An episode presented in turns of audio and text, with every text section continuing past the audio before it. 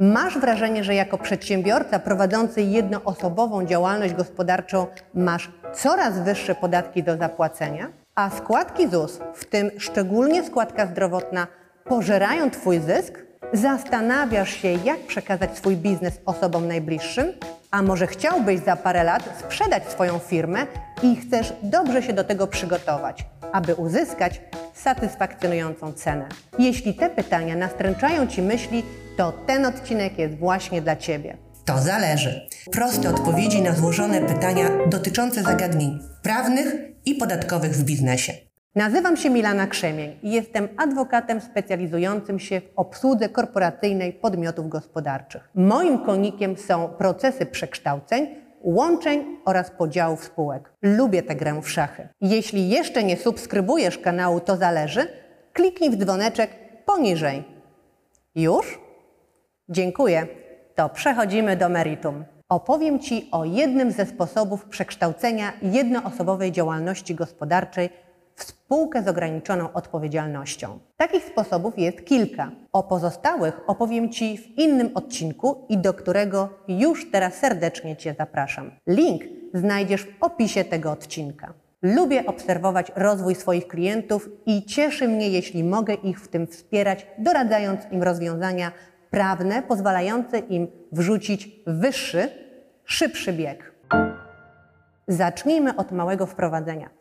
Jednoosobowa działalność gospodarcza może na pewnym etapie okazać się niewystarczającą formą prowadzenia biznesu. W obecnym czasie licznych zmian gospodarczych czy wprowadzonych zmian podatkowych przekształcenie działalności w spółkę z OO może okazać się grą wartą świeczki. Przekształcenie jest procesem złożonym i wymaga indywidualnej analizy sytuacji gospodarczej i finansowej przedsiębiorstwa. Nie powinno to jednak odstraszać Cię przed podjęciem decyzji. Wiadomo, nikt nie lubi zmian, ale nie warto tkwić w czymś, co nie daje zasłużonej satysfakcji i benefitów finansowych. Przekształcenie kodeksowe. Kodeks spółek handlowych reguluje jeden ze sposobów przekształcenia jednoosobowej działalności gospodarczej właśnie w spółkę z OO. Takie przekształcenie ma wiele zalet, ale również kilka mankamentów. Jedną z podstawowych zalet jest to, że w wyniku takiego przekształcenia powstaje nowa spółka z OO, której przysługują wszelkie prawa i obowiązki dotychczasowego przedsiębiorcy. Skutki przekształcenia w zakresie umów zawartych z Twoją jednoosobową działalnością. Przede wszystkim przekształcenie działalności w spółkę z OO nie wpływa na istniejące umowy zawarte przez przedsiębiorcę. W miejsce przedsiębiorcy, jako strony umowy, wchodzi z mocy prawa spółka z ograniczoną odpowiedzialnością. Brak jest potrzeby zawierania ponownie umów podpisanych już przez jednoosobowego przedsiębiorcę z osobami trzecimi. Nie trzeba również ich aneksować. Kontrahent nie musi wyrażać zgody na wejście spółki z OO w prawa przekształconego przedsiębiorcy nawet jeżeli w umowie zawarte jest postanowienie o zakazie tzw. Tak cesji. Skutki w zakresie majątku. Co więcej, wchodzący w skład jednoosobowo prowadzącej działalności gospodarczej majątek, nieruchomości, środki pieniężne, maszyny, wyposażenie staje się majątkiem spółki z OO bez konieczności podpisywania aneksów. Skutki w zakresie kadry pracowniczej. Kolejną korzyścią jest to, że pracownicy zatrudnieni przez dotychczasowego indywidualnego przedsiębiorcę stają się z mocy prawa, czyli automatycznie pracownikami spółki z OO, bez konieczności uzyskiwania od nich zgód. Skutki w zakresie decyzji administracyjnych. Co do zasady, koncesje, zezwolenia, ulgi albo inne decyzje administracyjne również przechodzą automatycznie na spółkę z OO, powstałą w wyniku takiego przekształcenia. Nie trzeba zatem ponownie występować do urzędów o nowe decyzje. Istnieje jednak kilka wyjątków od tej reguły, a co wynika wprost z przepisów szczególnych. Dobrze jest zatem skonsultować te wyjątki z fachowym doradcą prawnym. Chwila przekształcenia. Przekształcenie jednoosobowej działalności w spółkę z ograniczoną odpowiedzialnością następuje z dniem wpisania tej spółki do rejestru przedsiębiorców Krajowego Rejestru Sądowego. W wyniku tego wpisu Nie następuje jednak automatyczne wykreślenie przedsiębiorcy z Centralnej Ewidencji i Informacji Działalności Gospodarczej. Konieczne jest zgłoszenie wykreślenia dotychczasowej działalności z tej ewidencji. Jest to stosunkowo proste, jeśli posiadasz profil ePUAP.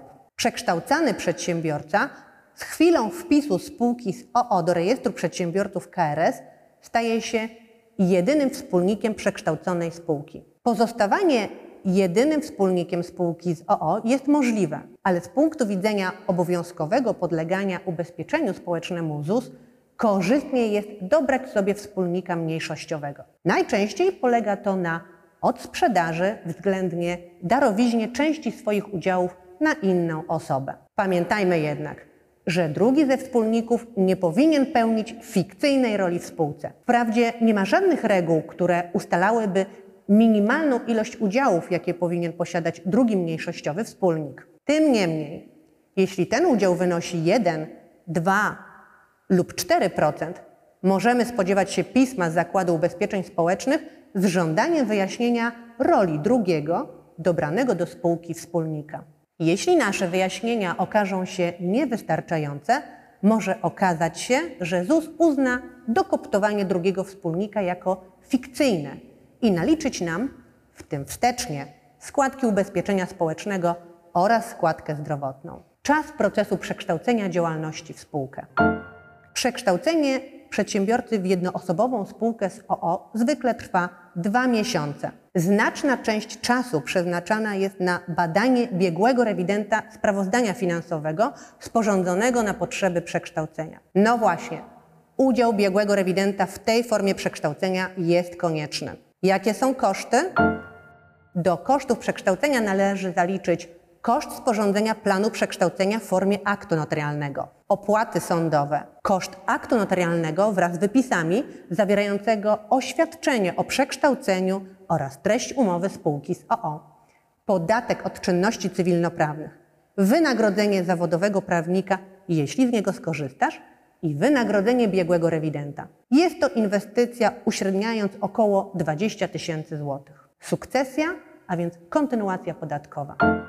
Pewnym mankamentem tego rodzaju przekształcenia jest niepełna sukcesja, a więc brak pełnej kontynuacji podatkowej. Na podstawie przepisu artykułu 93a, paragraf 4 ordynacji podatkowej następuje wprawdzie sukcesja praw, ale nie obowiązków podatkowych. Skutkiem tego jest brak przejścia na powstałą w wyniku przekształcenia spółkę z OO obowiązków podatkowych, które posiadał przedsiębiorca prowadzący jednoosobową działalność. Spółka solidarnie z przedsiębiorcą odpowiada za zobowiązania podatkowe powstałe przed przekształceniem. Stanowi o tym artykuł 112b Ordynacji Podatkowej. Część praw nie może być kontynuowana na podstawie przepisów regulujących opodatkowanie spółek kapitałowych, przykład ulgi podatkowe. Podatek VAT. Pod względem podatku VAT przekształcenie jednoosobowej działalności w spółkę z OO jest procesem neutralnym. Spółka powstała w wyniku przekształcenia przejmuje prawo do odliczenia VAT naliczonego, który powstał u przedsiębiorcy przed przekształceniem. Podatek dochodowy.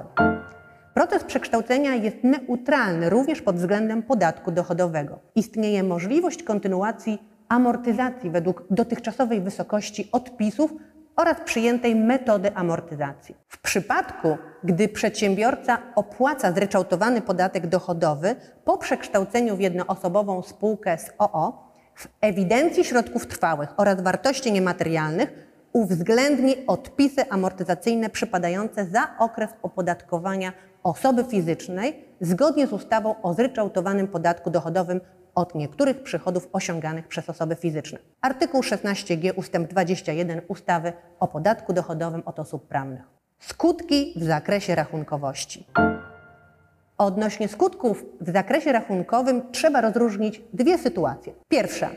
Jeśli przedsiębiorca nie prowadził przed przekształceniem ksiąg rachunkowych. W dniu przekształcenia zamyka się podatkową książkę przychodów i rozchodów i dokonuje się pełnej inwentaryzacji. Inwentaryzacja powinna objąć nie tylko stan towarów, materiałów, wyrobów gotowych czy produkcji w toku, ale również środki trwałe, wyposażenie, wartości niematerialne i prawne, środki pieniężne w kasie i na rachunkach bankowych stan należności i zobowiązań. Księgi rachunkowe otwiera się na dzień zmiany formy prawnej, czyli na dzień wpisu spółki z ograniczoną odpowiedzialnością do rejestru przedsiębiorców KRS. Przedsiębiorca powinien przygotować wykaz składników aktywów i pasywów, tzw. inwentarz. Będzie on podstawą do otwarcia ksiąg w spółce. Pozycje inwentarza powinny zawierać odpowiedniki bilansu. Istotne jest, aby przy środkach trwałych osobno wykazać ich wartość początkową i osobno dokonane odpisy amortyzacyjne. Z kolei w przypadku otwarcia ksiąg rachunkowych w spółce należy wykazać wartość netto środków trwałych jako różnicę pomiędzy wartością początkową a odpisami amortyzacyjnymi.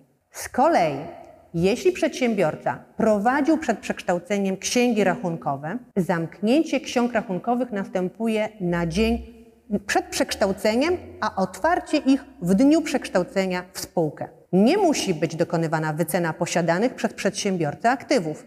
Kontynuuje się odpisy z uwzględnieniem dotychczasowych odpisów oraz przyjętą metodę amortyzacji.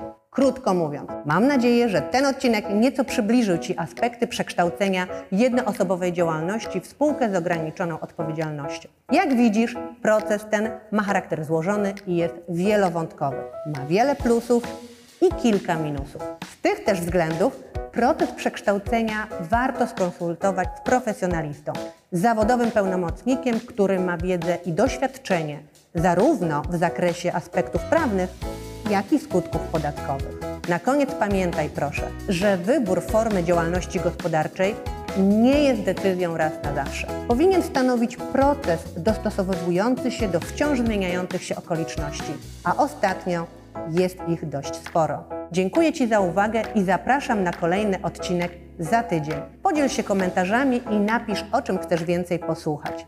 A jeśli chcesz się ze mną skontaktować, zapraszam na stronę www.kzlegal.pl.